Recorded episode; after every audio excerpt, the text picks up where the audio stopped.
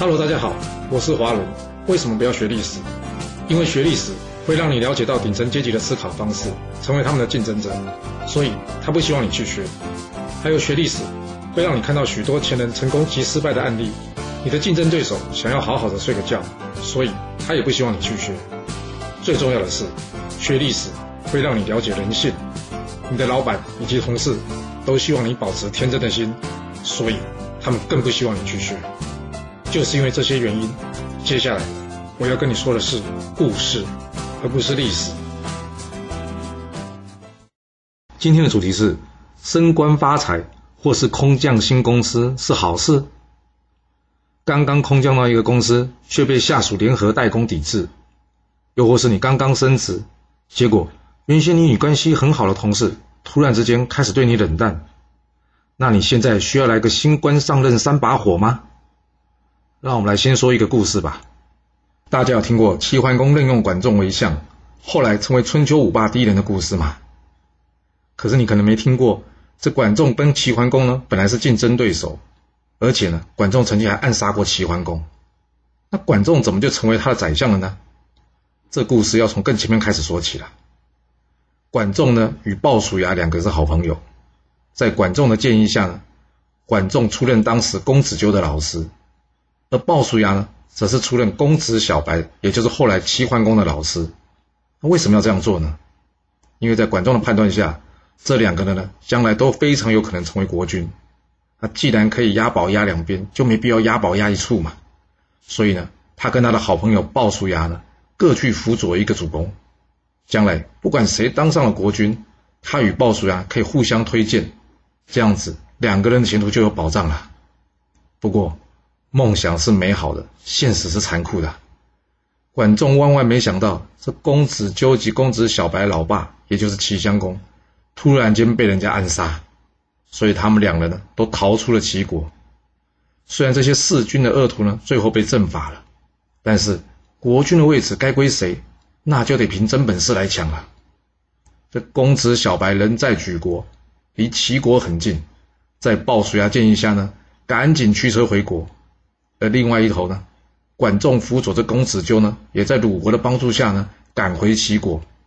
为了确保公子纠能顺利登上国君的地位，管仲甚至使出了大绝招，去暗杀这公子小白。结果老天没有如他的愿，虽然管仲剑法如神，而这箭呢，也射中了公子小白，不过呢，却刚好射到公子小白身上的带钩。机警的公子小白呢，马上装死。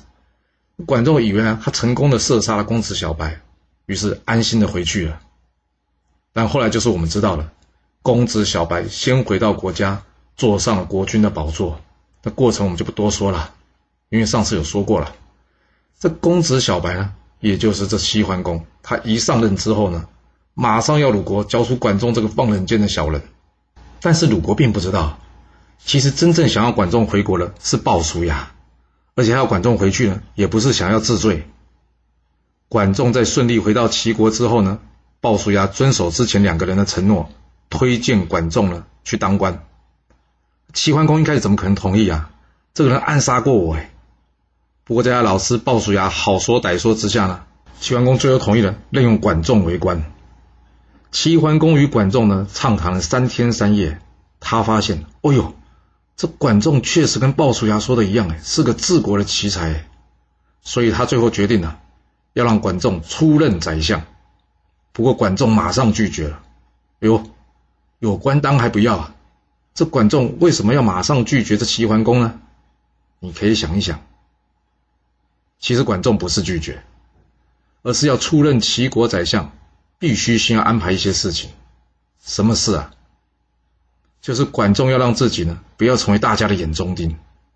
你想一下，管仲可是暗杀齐桓公的犯人呢。这阶下囚现在突然间飞上枝头变凤凰了，有多少人会嫉妒他？若是他直接接受齐桓公的重用，不要说将来的政事无法推动了，搞不好连鲍叔牙都会倒霉嘞。所以，搞好同事之间的关系就变得非常重要。管仲建议齐桓公。你要是要任用我的话，先任用五位大臣，因为我在这些领域呢，没有这些大臣的才能出众。其实这是管仲的第一步，他向大家承认他自己不是天下无敌的，还需要大家的协助。同时呢，也捧红这些同事，让他们各司其职。之后，这些人让国家上轨道之后，齐桓公再以管仲推荐这五个人有功劳，所以任命他为宰相。一来，管仲确实有功；二来，这些重要大臣是因为管仲的举荐才升官的。请问他们好意思反对或是对抗管仲吗？所谓政通人和啊，想要事情推展的顺利，人的问题必须优先解决，不然再好的措施或是制度，也会因为有这些反对的人，让整件事情到最后自爱难行。管仲没有因为自己突然间被授予大权而开心的昏了头，反而是非常谨慎的处理自己空降主管的问题。你看看那许多公司啊。常常主管一到呢，就是新官上任三把火啊，这里要改，那里要修，连同事或是下属的个性都还没摸熟，就急着向老板表现自己的能力，结果怎么样？大多是失败收场。而这失败呢，并不是他能力不足，而是人和不够。要是你还记得我们之前有说过郑庄公任用尹好叔的故事，你就会知道，郑庄公非常感谢尹考叔，解决了他的问题。所以重用尹考叔为官，并且让他与另外一个将军公孙玉共同掌管兵权，但这一分配不就等于分掉公孙玉的兵权吗？我们不知道啊，尹考叔在上任之前有没有好好的与公孙玉打好关系啊？但是从结果来看，公孙玉呢跟他争大旗，又从背后放冷箭射杀他，我猜尹考叔一开始呢并没有好好的与公孙玉打好关系。所以呢，要知道一件事。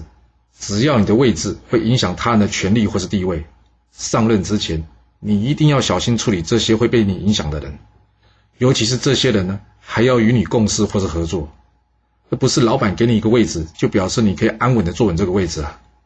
要知道，老板通常不会去想你能不能坐稳这个位置，甚至有些老板认为你要有能力解决这些问题，才名副其实能坐上这个位置，这算是对你的一种考验。